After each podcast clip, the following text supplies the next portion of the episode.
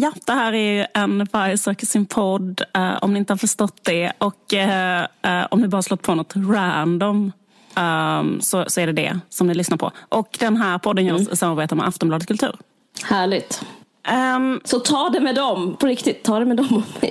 det, om det är något skit. det, det är, något... tydligen deras ansvar vad vi säger. Men ja. ja. Hur mår du? Jättedåligt. Mm-hmm. Vill du, varför? Nej men alltså, det är konstigt, vi har inte nämnt det innan men jag har corona. Vi har haft det i uh, jättelänge. Och det är så, så, så hemskt. Och jag mår jätte, jättedåligt. Jag vill bara säga det. Jag inte, det är helt fruktansvärt. Jag har haft så mycket dödsångest. Jag kunde inte andas i natt. Du har, det är så himla eh, fruktansvärt. Precis, du har ju haft corona i i hur länge då? Flera veckor? Sju veckor? Åtta veckor. Åtta veckor. Ja, jag blev frisk sen så blev jag sjuk igen. Och så, men nu sitter jag här med så enormt, för det är exakt som panikångestsyndrom. Men bara det att den panikångest, till, panikångest var kanske en till fem minuter om jag förstått det hela rätt. Men det här var liksom i åtta veckor. Så otroligt tryck över bröstet och eh, så kan man inte andas. Det är jättehemskt. Ja, men det, alltså, du, du har ju inte varit, uh, du har inte velat uh, prata om det direkt i podden. Men... Nej, jag har inte det. För jag har så lite att säga om det och det har jag nu också. Mm. Jag tror att jag känner mig också liksom utsatt och jag känner mig väldigt, jag vet inte, Känner du det som, en som är så sjuk. Mm. Och låg status. Jag är med i en sån grupp nu där, där det är bara massa, det är jag och massa det, liksom, ingen lyssnar på oss. Så känns det i den där gruppen. Vi drabbade är jag med Känner du det som en massa sån, kvinnor. Okay. Känner du det som en sån spetalsk som var tvungen att ha pingla? Typ? Alltså det var också att det är en sån grej att folk... Nej, fattar du vad jag menar? Att det kan bli en sån stämning att folk är typ rädda för en för att man är smittsam. Ja. Fattar, jag fattar frågan. Ja. Den är bra. Men det, det, det är faktiskt det minsta problemet. För att man smittar inte ens längre när det gått så lång tid. Så det, men men, men, men, men det du menar, den här grejen som man har läst lite om som är att uh, vissa har en slags corona som typ aldrig går över. Som bara pågår på ett ja. jättesjukt sätt. Och man är liksom inte så sjuk som man behöver vara på uh, sjukhus. Inlagd. Men man är liksom ändå har liksom kanske feber i åtta veckor. Ja, jag har feber just nu. Jag liksom sitter här helt så här eh, blossande darrig i kroppen. Och så har det liksom varit i åtta veckor. Men grejen är, det är en sån mellangrupp. Det är liksom oattraktiva i alltihopa. Alltså det är också eh, det är oattraktivt medialt. Alltså det, det, eh, folkhälsomyndigheterna, det är all, vi är ointressanta den här typen av ja. mellangrupp.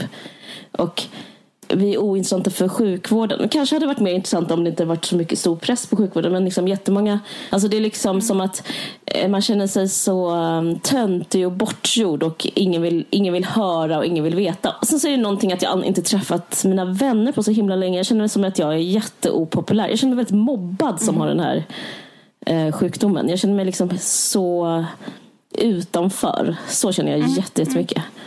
Du kan och nu börjar jag bli ledsen. Innan har det bara varit fysiskt men nu känner jag mig så här jätteledsen. Mm. Usch, vad hemskt. Ja, ja det är så um, hemskt faktiskt. Det är också liksom en... Uh, oh, fan, glömde vad jag skulle säga. Inte ens du är intresserad. Exakt, till och med jag bara zonar ut vad jag tänker på något annat.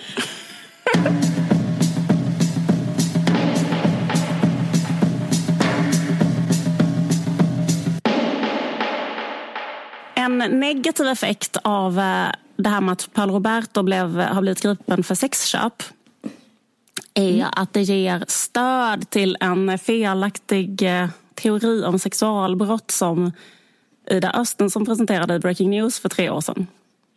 Kommer du ihåg det? Nej. Alltså, det var ett case mot honom som var så här. Han hade postat på sitt Instagram Oh, ett skämt. Jag kommer ihåg det. Du kommer ihåg det nu? Och jag var den enda som var på Paolos sida. oh my god. Okej, okay, förlåt ja, att jag tar upp det. Men jag tyckte bara att Nej. det fanns läge att ta upp det igen. Men gärna så här, det som hände var att Paolo Roberto hade postat en, ett skämt, ett sånt där färdigt skämt. Han har inte hittat på det själv, utan ett sånt skämt man liksom bara postar vidare. Eh, och, mm. och det, då stod det så här. Eh, Boobs prove that men can focus on two things at once. Mm. Just det. Um, och då var caset i Breaking News att det här var sexistiskt och att det var fel. Och så tog de dit eh, Ida Östensson som är grundare av en slags eh, jämställdhetsförening som heter Make Equal. Eh, och de jobbar för samtycke och mot sexuellt våld.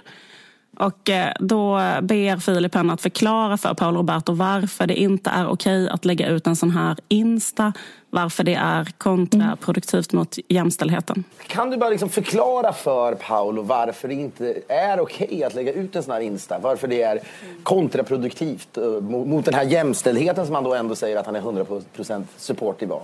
Bland ja. annat.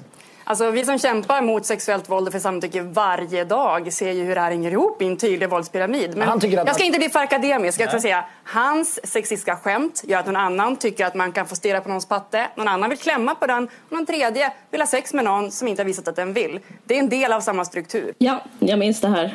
Vad, vad, vad, vad, vad, vad var din känsla från insidan då?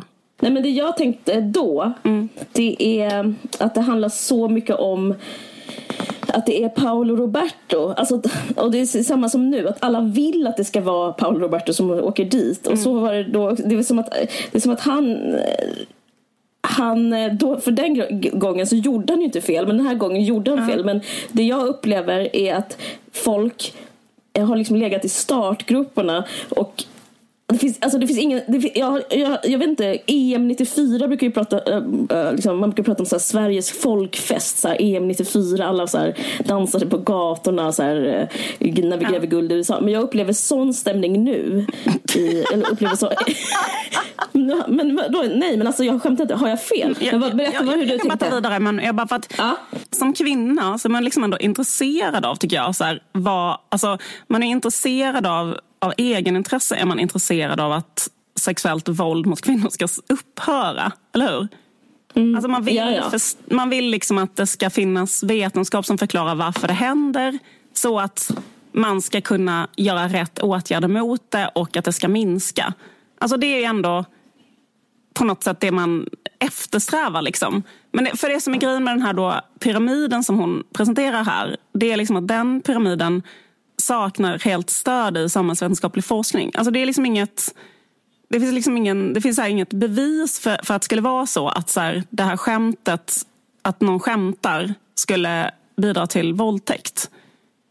Liksom. Nej, det, det är snarare någon slags skillingtryck. Alltså det är snarare typ här, börja med en knappnål och sluta med en silverskål. Eh. exakt. Nej, men exakt, men så är det ju. Alltså, så, så, men nu ja. i det här, det som är så himla ironiskt, eller det som är så deppigt nu är att hon får ju rätt för den här turen. För då är det ju, nu är det ju så i det här fallet. Det var ju så, det började med att han postade det där från Instagram.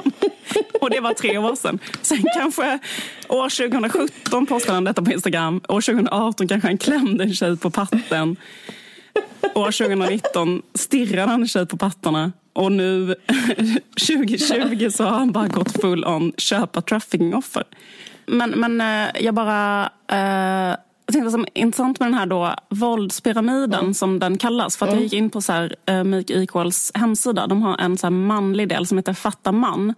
Som uh, har, och där, där fanns det en bild på den här då pyramiden, jag ska bara beskriva för dig hur den ser ut. Det är så här, den, den mm. heter våldspyramiden och den har fyra delar. Och I det understa lagret av pyramiden så står det så här, sexistiska slash homofoba slash transfoba skämt.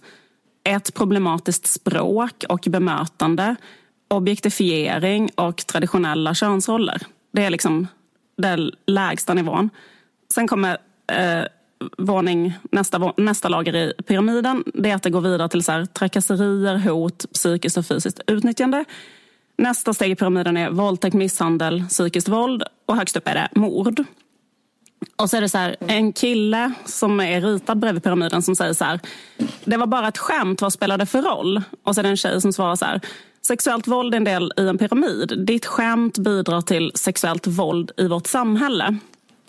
Så liksom, teorin är så här att om du säger ett sexistiskt skämt så liksom bidrar det till ja, men typ sexuella, alltså våld och mord och typ sådana, kanske sådana saker som händer med mm. eh, Vilma eller Kim Wall eller den här typen av kvinnomord. Mm.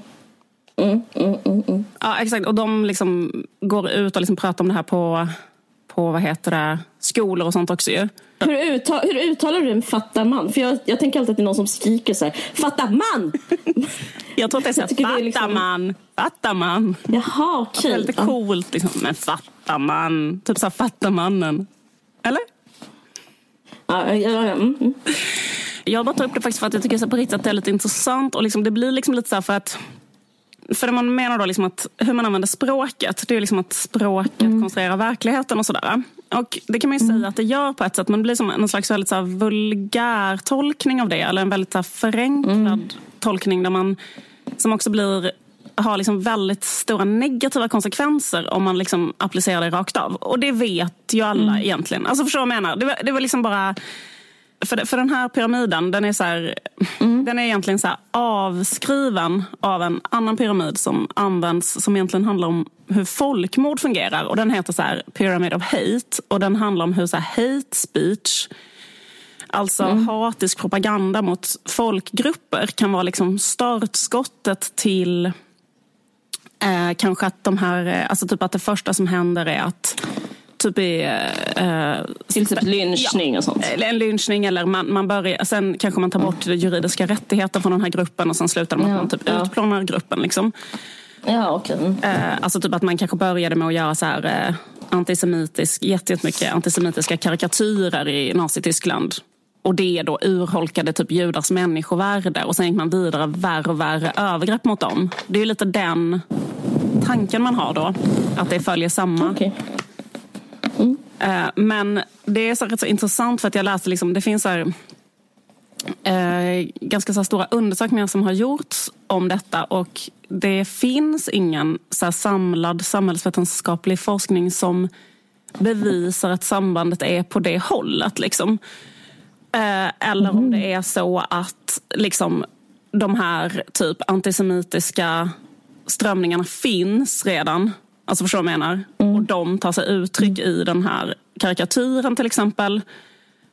Och ja, liksom snarare än att så här, karikatyren uppfann antisemitismen liksom, så är så gestaltar karikatyren eh, precis. Eh, liksom en underströmsfolk. Exakt. Bla, bla, bla. Och det man kollat i Rwanda så var det här med jättemycket radiopropaganda har man ju hört om. Att de, hade så här, att de sa på radion innan folkmordet så här, tutsierna var kackerlackor.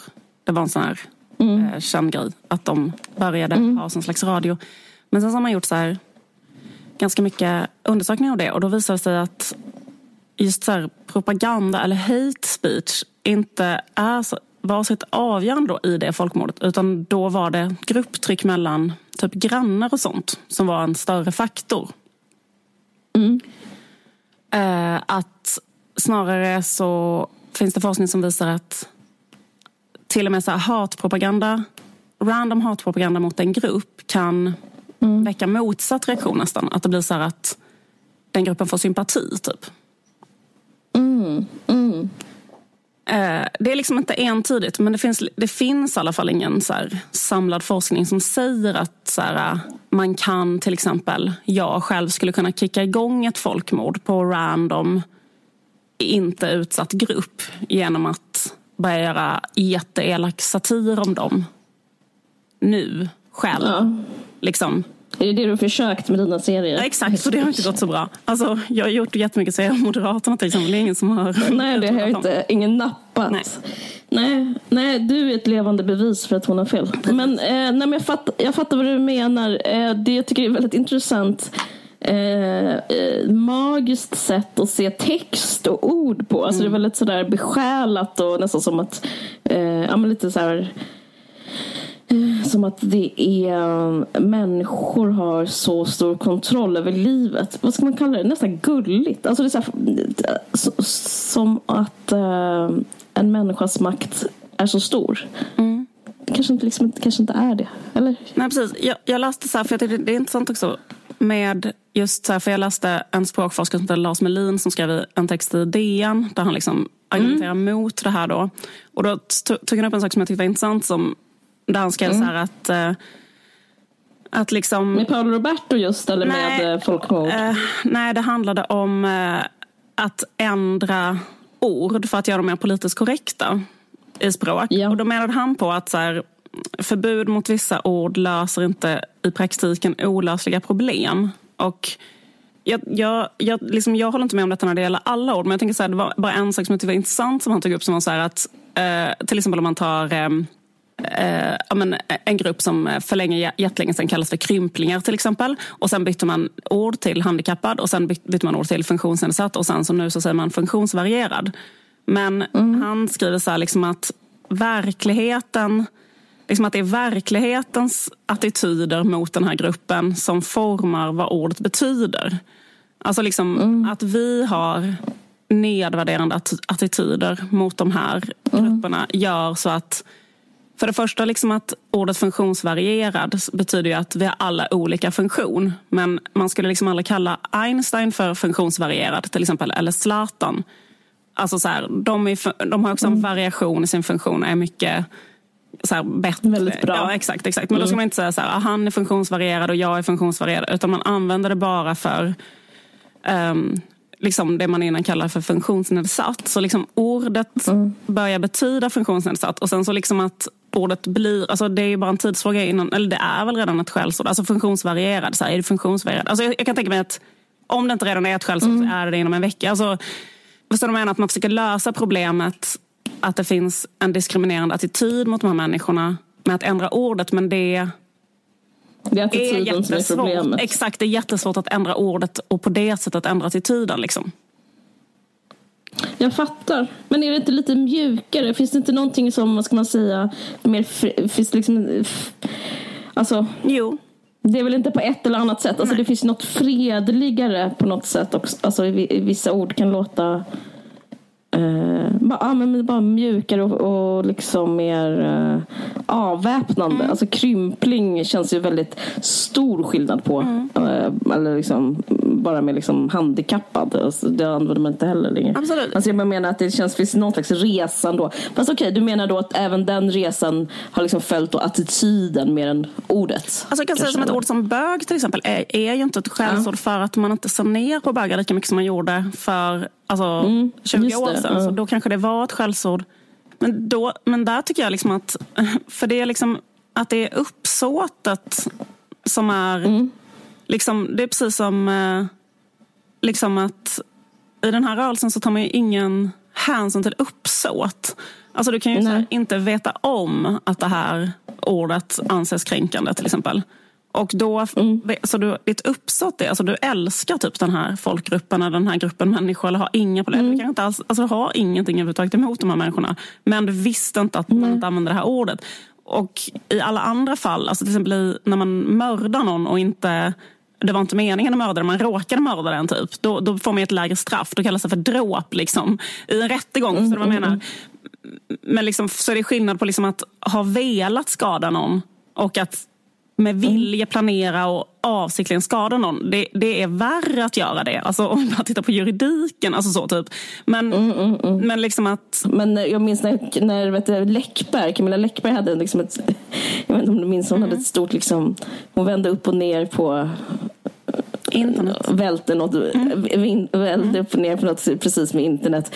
För att jag tror Little Jinder mm. hade skrivit hora. Mm. Och då, gjorde hon, då försökte hon liksom så här, någon slags slapp can, cancel ver, mm. version av Little Jinder och sånt där. Mm. Och, eh, men då kändes det som att hon, alltså Camilla Läckberg var den största tönten i mannaminne som liksom, kunde hon ens liksom inte förstå. Mm. Men, men, men nu så tycker jag att det har ändrats. Men det kanske bara, vad tycker, alltså, det, det kan ju också göra det. Frågan är så här, är det, är, det språket som liksom formar verkligheten? Det gör det till en viss gräns. Nej, men, nej. Men, men verkligheten formar språket. Jag, jag tänker på ett sånt ord som CP till exempel. För det, liksom, mm. om, om, man använder det så, så um, får man nästan alltid eh, kritik, eller man får nästan alltid mejl och sånt. Eller varje gång jag har använt det ordet på något sätt så får jag alltid ett mejl som är så här, ja det är jätteosmakligt att använda det ordet så här, liksom, för, för människor som har eh, cerebral pares. Men grejen är att ordet CP betyder inte, alltså i vanligt tal så betyder inte det en mm. människa som har cerebral pares längre. Förstår du vad jag menar? Alltså för ordet har ju färdats. Alltså verkligheten är att det ordet, mm, sen kan man mm, mm. ändå tycka tycka. Alltså, jag menar, man kan få tycka det, men jag bara, jag mm. tycker en annan sak och jag får också tycka en annan sak. För så menar Alltså därför att om man säger så här, mm. fan vad CP det här var. Då betyder inte det, mm. så menar, för CP betyder någonting som, du vet ju vad det betyder, alla vet vad det betyder. Det betyder att någonting är mm. mm. liksom skevt eller knäppt. Alltså det, är liksom, det, det är något som har liksom, mm. du vet, mm. det är något som är liksom knäppt på ett visst sätt. Eh, så ja. det har börjat betyda något annat. Förstår du vad jag menar? Det är samma sak som Absolut, jag, min poäng var bara att jag tyckte att den här kontexten kastade tillbaka eh, hora-ordets färd. Alltså jag, jag, eh, jag är lite på ett eh, annat spår än vad du är, vi ska mm. tillbaka till Men jag menar att o, ordet hora har färdats iväg till att ja. bli någon slags mm. eh, markör för bara ett litet, en, en viss liksom mm. tugg. Mm. Ett tugg som kanske så här, vissa i min krets pratar typ så här, mm. eh, vilken fin ho, alltså, mm. sommarhora-klänning, typ jättefin. Det är liksom men sen så nu upplevde jag att det slungades tillbaka i en kontext där eh, det fick en förminskad användning. Mm. Eh, men det där är jätteintressant. Det där är liksom språketymologi. Jag kommer ihåg när vi, eh, jag ehm, var alltid så arg på Fredrik Lindström. För när jag läste latin på gymnasiet så hade vi det som ämne också. Och det, det finns liksom en liksom filosofi kring det som är så här, men språket är vad du säger. Alltså nästa ord som uttalas är det, det korrekta språket. Istället för att säga så här, det finns ett korrekt språk och du ska uttala det rätt. Mm. Men därför var det så himla så konservativt när den, Fredrik Lindström drog igång de här, när, när, när han drog igång det här dialektala programmet, vad är rätt och vad är fel? Så här, det här säger man, man ska säga det så här och så där säger man inte där. Utan liksom att det är ju, språket är ju den som skapat av den som säger det där och då. Och, och sen finns ju hela den här diskussionen som handlar om så här transgression. Eller liksom att eh, mm.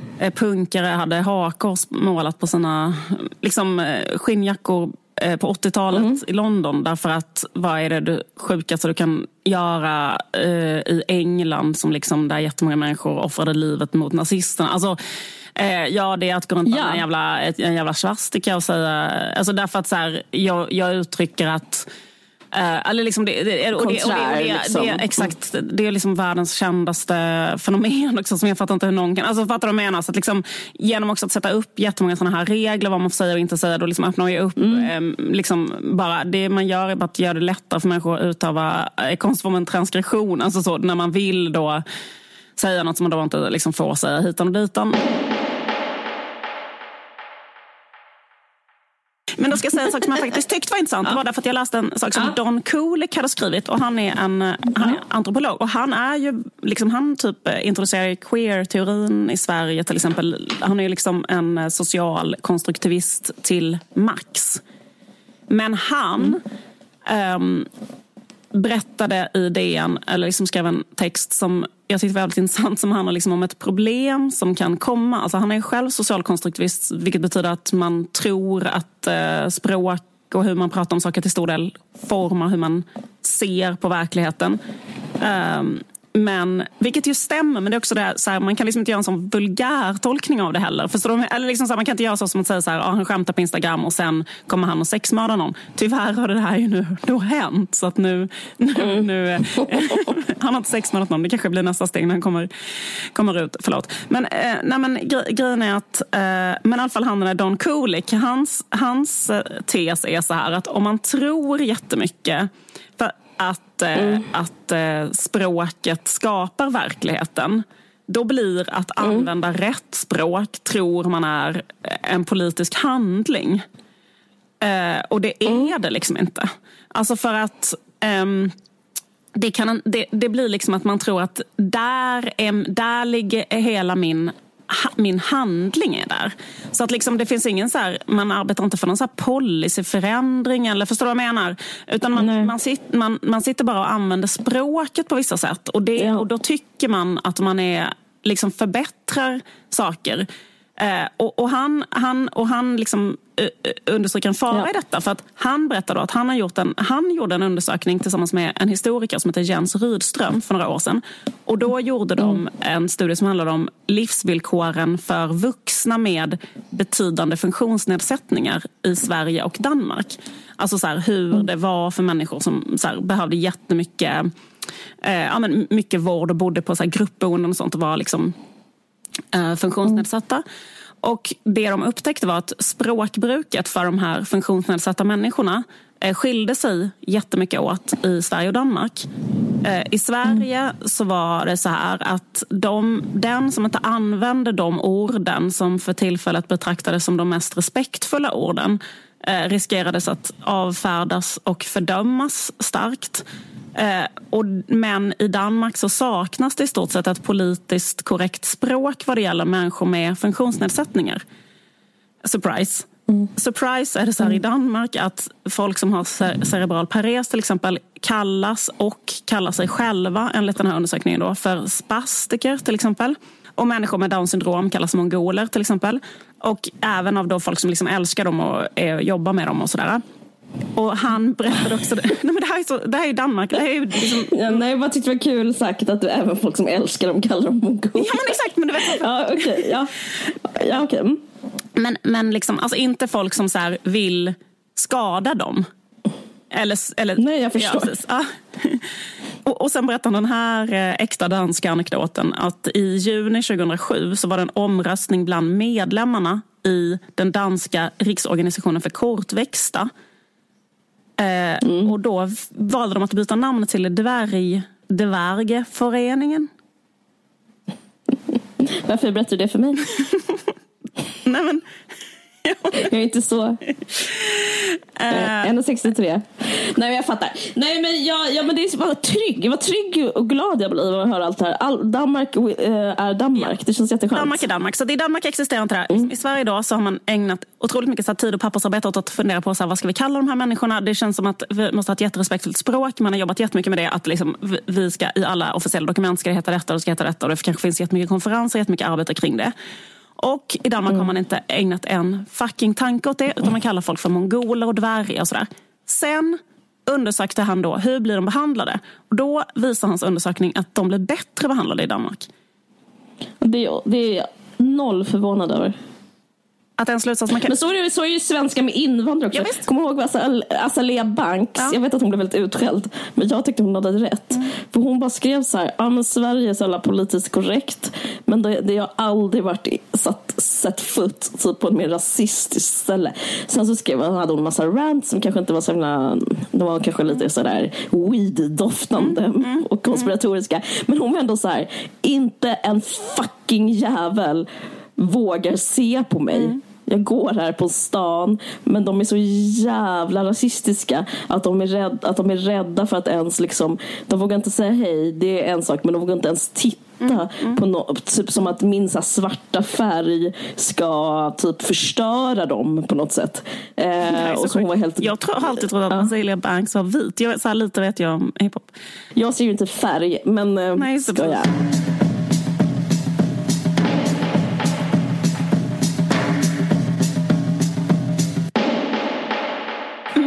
Men, liksom, men, men, men, det som händer är väl liksom att man då förväxlar eh, ord med handling. Att man liksom istället ja. för att då typ sitta på ett sånt eh, gruppboende för funktionsnedsatta i Danmark mm. och diskutera på ett möte hur ska vi ha eh, kanske fler oftare att det kommer personal hit och hjälper dem med olika saker. Alltså, eller liksom, hur ska vi ha en konsert mm. för dem? Alltså whatever, hur en sån gruppboende sköts på ett bra sätt. Men då i Sverige kanske man då istället ägnat jättemycket tid åt att bara prata om hur man ska prata om dem. Liksom. Och, eller, liksom, mm. eller vända, liksom sen, sen kanske det ena inte egentligen behöver utesluta det andra. Men Nej, risken jag tror är att det ju finns, att man uh, tror att man gör någonting när man inte gör någonting. Alltså, så är det definitivt. Liksom att man bara så här, han skriver så här, språket kan här bli en arena där en talare kan berömma sig själv för att den handlar. Men du är inte mm. en handlare, du är bara en talare. Fattar du vad jag menar? Mm, jag fattar verkligen vad du menar. Eh, liksom, och, då, och sen så, jag vet inte, för jag tycker också det, det är liksom jättetydligt här när det gäller då, liksom när det var metoo och sånt, då var det ju verkligen så här, flera av dem som rök så det tjongade om det i metoo mm. var ju män som mm. var talare för jämställdhet Verkligen. Mm. Alltså som hade skrivit, alltså var jätteprofilerade för det liksom och skrev massor om det och var liksom, eller hur? Mm, verkligen. Och det liksom eh, spelar ju ingen roll därför att det är liksom handlingen som är Ja, det liksom är brottet. Alltså har, och, liksom, och tvärtom så finns det människor som liksom då typ skämtar sexistiskt eller uttrycker sig sexistiskt och så. Mm. Men som inte skulle göra en fluga för när. Eller för att menar, alltså... Mm, och så finns det de som gör båda. Exakt. Uttalar sig sexistiskt och gör en fluga för när.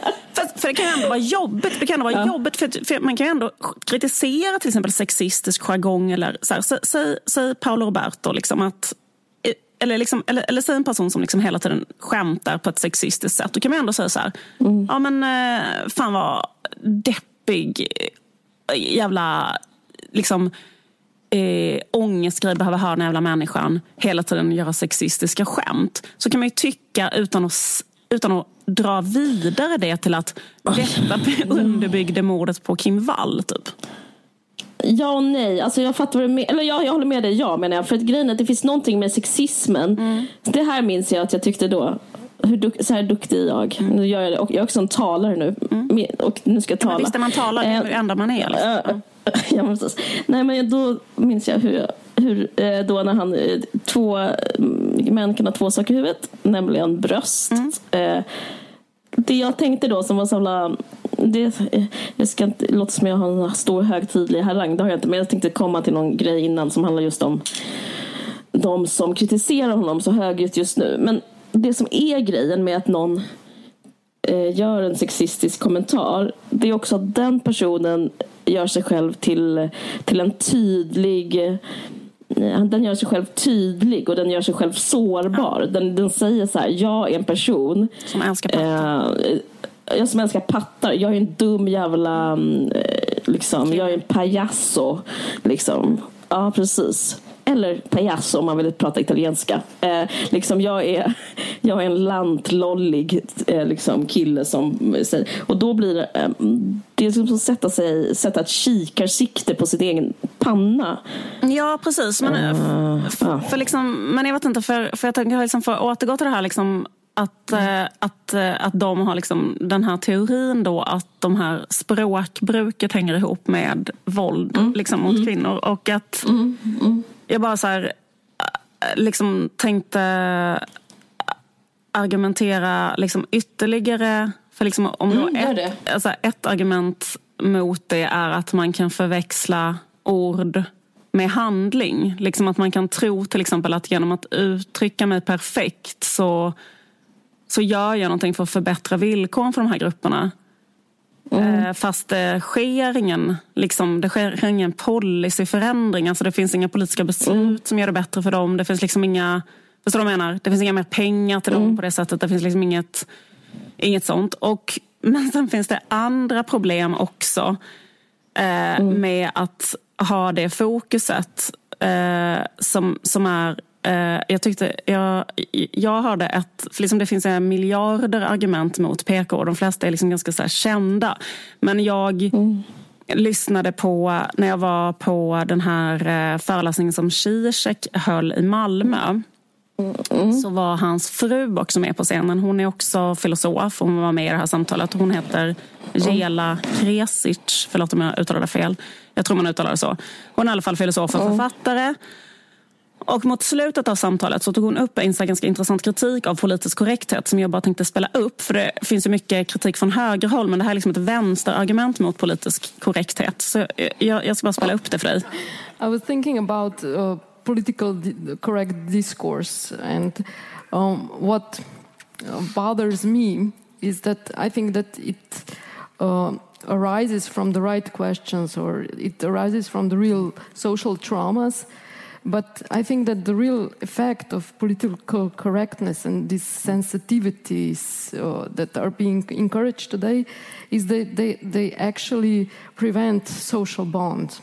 So the discourse that was invented to make relations between people better is in fact now uh, preventing from um, it's preventing social bond from happening. Because if you look for aggressors or um, abusers or the toxic others, it's, it is sort of impossible uh, to create any new relations because every other that comes uh, to your way it's potentially his he or she is potentially toxic endangering Alltså det hon säger är så att hon tycker att den politiskt korrekta diskursen har uppstått ur rätt frågor eller att den har uppstått ur reella mm. sociala trauman. Men hon tycker att själva effekten av politisk korrekthet och känslighet som uppmuntras via den gör att det förhindrar sociala band. Så diskursen uppfanns i syfte att göra relationer mellan människor bättre. Men den förhindrar nu de facto istället social bonding från att inträffa. För att om du letar efter aggressorer eller förövare eller så toxiska andra mm. så är det nästan till omöjligt att skapa några nya relationer eftersom andra människor som kommer i din väg är potentiellt farliga och toxiska och så vidare. Mm, mm, mm. och jag tyckte det var ganska intressant för det, det är liksom på något sätt ett argument för en själv som tillhörande, säg då att vi är kvinnor som tillhör en förtryckt grupp då liksom utifrån att det finns mm. sexism. Liksom.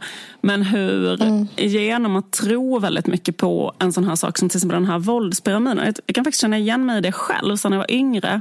Att det kan bli en så här, mm. psykologiskt så här, jävligt tufft för en själv. Typ att tro att så här, för då kan det räcka med att så här, någon släkting eller någon, fattar du vad jag menar? Någon kille som man mm. någon, så här, säger kanske då ett sexistiskt skämt. Och då tror man att det hänger ihop med en struktur som i förlängningen gör att uh, Vilma blev mördad nu till exempel av sin... Alltså förstår du vad jag menar? Och liksom, då blir mm. det så allvarligt och så tungt liksom. Så att man själv mm. går runt och känner sig ofta, alltså bara så intressant tycker jag, så här, alltså, den psykologiska effekten då på förtryckta grupper blir liksom att ens föräldrar kan bli fiender till en jättesnabb... Alltså människor som man kanske hade kunnat få stöd av om man är ung och lite paj och så. Om de använder mm. fel ord eller så, så blir de en aggressor eller de blir en toxisk person. För, alltså så här, att liksom, mm. att jag tyckte bara det var så här, en liksom slags intressant invändning från hennes sida som var liksom lite man blir väldigt så jumpy, alltså typ så hoppa, man studsar på mycket. Alltså typ ett, ett ord studsar man på direkt. Precis. Liksom. Och, och till exempel som just det här med sexuellt våld. Får jag bara uh, läsa så här, uh. det, alltså det är så här, ganska lite forskning som handlar om det. Så här, vad är det som gör uh. att män begår sexualbrott? Men jag tittade på någon forskning som, som uh, har gjorts av den som är typ Sveriges uh, främsta expert på det. Och han mm Ja, men han heter i alla fall Niklas Långström och han är professor i barn och ungdomspsykiatri. Och eh, han liksom är en av landets främsta experter på behandling av sexualbrottslingar. Och han säger att det finns liksom två mm. saker som förenar sexualförbrytare. Ett är sådana mm. faktorer som i allmänhet gör att man begår brott. Till exempel att man har så en lättväckt aggressivitet, man har dålig impulskontroll, man har emotionell instabilitet och att man är beroende av alkohol och droger. Och en annan sak är liksom något som kallas för hypersexualitet som är att man liksom har en sexuell upptagenhet som gör att man tappar greppet om sin sexualitet på ett sånt sätt som orsakar lidande. Alltså typ att man så här, ja, men, typ mm. hela tiden tänker på sex och konsumerar porr och sen börjar man köpa barnporr. Alltså liksom hela den här grejen att man liksom har den, den typen av hypersexualitet och sen vad det beror på eh, och, och, så vidare. Eller liksom det, jag låter som en idiot nu, men liksom det, det är klart att det beror på så här, jätteallvarliga, pro, jätteallvarlig problematik i barndomen. Saker som har gått snett på. Liksom, det, det beror liksom inte på eh, att de har läst ett skämt på Instagram. Liksom, eller, alltså, eller förstår du vad jag menar? För det, det blir liksom, mm. det blir liksom att inte ta det på allvar. Alltså den typen av... Eller jag menar att den, den jargongen kan bli så kontraproduktiv. För det, det den gör är bara att den säger att alla män hela tiden som mm. råkar säga ett ord fel supportar det här. Mm. Och liksom det gör att man så här, måste ägna all mm. sin energi åt att aldrig uttrycka sig fel för då är man... så, det, så det skapar liksom problem på båda sidor. Det skapar också problem för den här gruppen kvinnor då, som tror så att eh, alla, alla är aggressorer, alla är toxiska, alla är farliga för mig. Och, och det blir liksom en, en så här, dels psykologiskt sett en helt obehaglig plats att vara på. Och, mm. och dels är det liksom något som förhindrar att så här, sociala band kan uppstå i ett samhälle, vilket är liksom en vänstergrej. Att man ska kunna bonda, liksom, fattar du menar, med andra människor, lite vem fan som helst. Alltså typ så här, vi kan ha ett gemensamt klassintresse typ. Och nu blir det så här, vi kan mm. inte ha ett gemensamt klassintresse med någon kille som inte har lärt sig är blivit uppfostrad att använda ett korrekt medelklass, över medelklassspråk. För han, alltså typ så här, har man så dålig smak som man gör tuttskämt då kan man inte, alltså då är man en del av någonting som förgiftar. Alltså förstår du vad jag menar? Det, liksom, ja, så det, mm. ja, ja, det var bara det. Mm. Jag vet, ja men det är intressant. Men jag tänker att det finns en annan, alltså det finns olika sätt att se på det. För man kan också tänka att, för när jag tänker på vissa av de så aktivisterna, typ så här att Ida Estensson och så, eh, eller människor som skriver, som upptar sig mycket till exempel just med skriva om liksom brott som begås mot kvinnor mm. eller barnporr och sånt där så upplever jag alltså även de eh, saknar Alltså, om Paolo Roberto har ett språk som är eh, två killar kan tänka på två saker, titta bröst. Mm. Eh, så är liksom det deras liksom, som motsvarighet. Alltså det, är, det är liksom det metanivå men det är som ett förstympat språk. Alltså jag upplever att det finns en jättestor sorg som jag kan känna igen mig i som typ världsmedborgare eller bara människa eller liksom kvinna kanske. Mm. Som är när man hör om, när man hör om någonting och känner liksom en slags empati kicka igång så blir man utom sig. Alltså, mm. och, och det att säga då och, och, så är det som att vi lever i en värld där ingenting, eh, att språket till exempel eller handlingen eller politikerna eller vad som helst inte är tillräckligt och liksom inte går att eh, tillgodogöra sig. Och då så blir det som att, alltså man skulle också kunna se eh, Ida Östensson, Katarina Wenstam, alltså de som jag kritiserar, mm. Cissi Wallin, som också som bara liksom typ så här, gråterskor. Mm. Alltså typ över världens tillstånd. För det tycker jag, eh, det finns ju en sån aspekt av när något sånt här händer som blir att man relaterbart för en kändis som gör det som är så här, man förstår liksom till punkt och pricka innebörden av att någon har blivit så illa behandlad. Att det enda man kan göra är att typ bara gråta. Men det finns liksom inget språk för det. Därför säger man så här, han gör fel eller det är rätt att säga så här. Det är, alltså, alltså även, även deras Eh, jag tänker på det som jag kritiserar med liksom sådana där jättelånga haranger. Jag gör rätt, han gör fel. Även det kanske bara ska ses som så symbol för sorg. Mm. Eh, och det inte heller betyder någonting.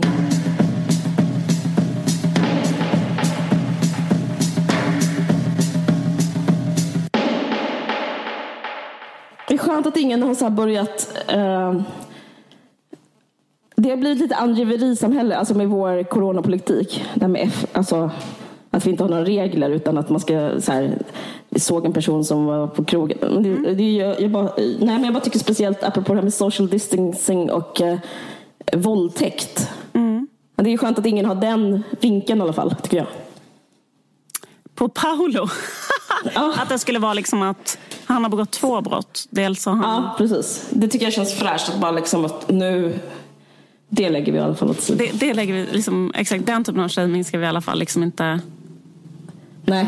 Äh, Eller, fast, fast det här det är, bara, det är bara måndag då. Vi vet inte vad som händer på fredag idag när det kommer ut. Nej. Just jag ska säga en annan sak. Jag måste få göra reklam för en grej. Mm. Ja, kan inte någon snälla köpa min lägenhet? Jag behöver verkligen pengarna. Googla Roslagsgatan 60 på Hemnet. Det är en jättefin lägenhet också jävla trevligt område. Det är väldigt, väldigt nära till... Um, Lars Norén. Han bor. Det är väldigt nära till Lars Norén, exakt. Och till uh, alla hippa krogar. Jag hörde på Alex och Sigges podd så tipsade de om Babette. Det ligger här på min gata. Du, är ju, alltså, du bor ett stenkast från Babette. Mm, mm. Roslagsgatan 60, köp den. Uh, om, ni, om ni vill verkligen stötta konsten. Ni verkligen tycker om den här podden, köp då Karolins lägenhet. Visa, visa nu någonting i handling och inte bara ord. Ja men faktiskt. Jag tror handling. Ja, vi ska inte bli arga på våra, på våra lyssnare. Hej då. Hej då, kram. Är du med? Morgonsoffan flashar fram en gubbig fot Full i tv utan varken hat eller hot Kliar så kliar han på sin pungrot Na, na, na, na, na, na Läser mord och dricker sprit, fy fan vad gött. Somnar i direkt direktsändning om han är trött. Dricker bärs med viltan när man skulle flört. Na, na, na, na, na, na. Sveriges Sherlock, vem är det? Börjar på G och slutar på V. En dag skrev vi vad som Leif GW i TV. En dag ska vi få vara lika carefree som han.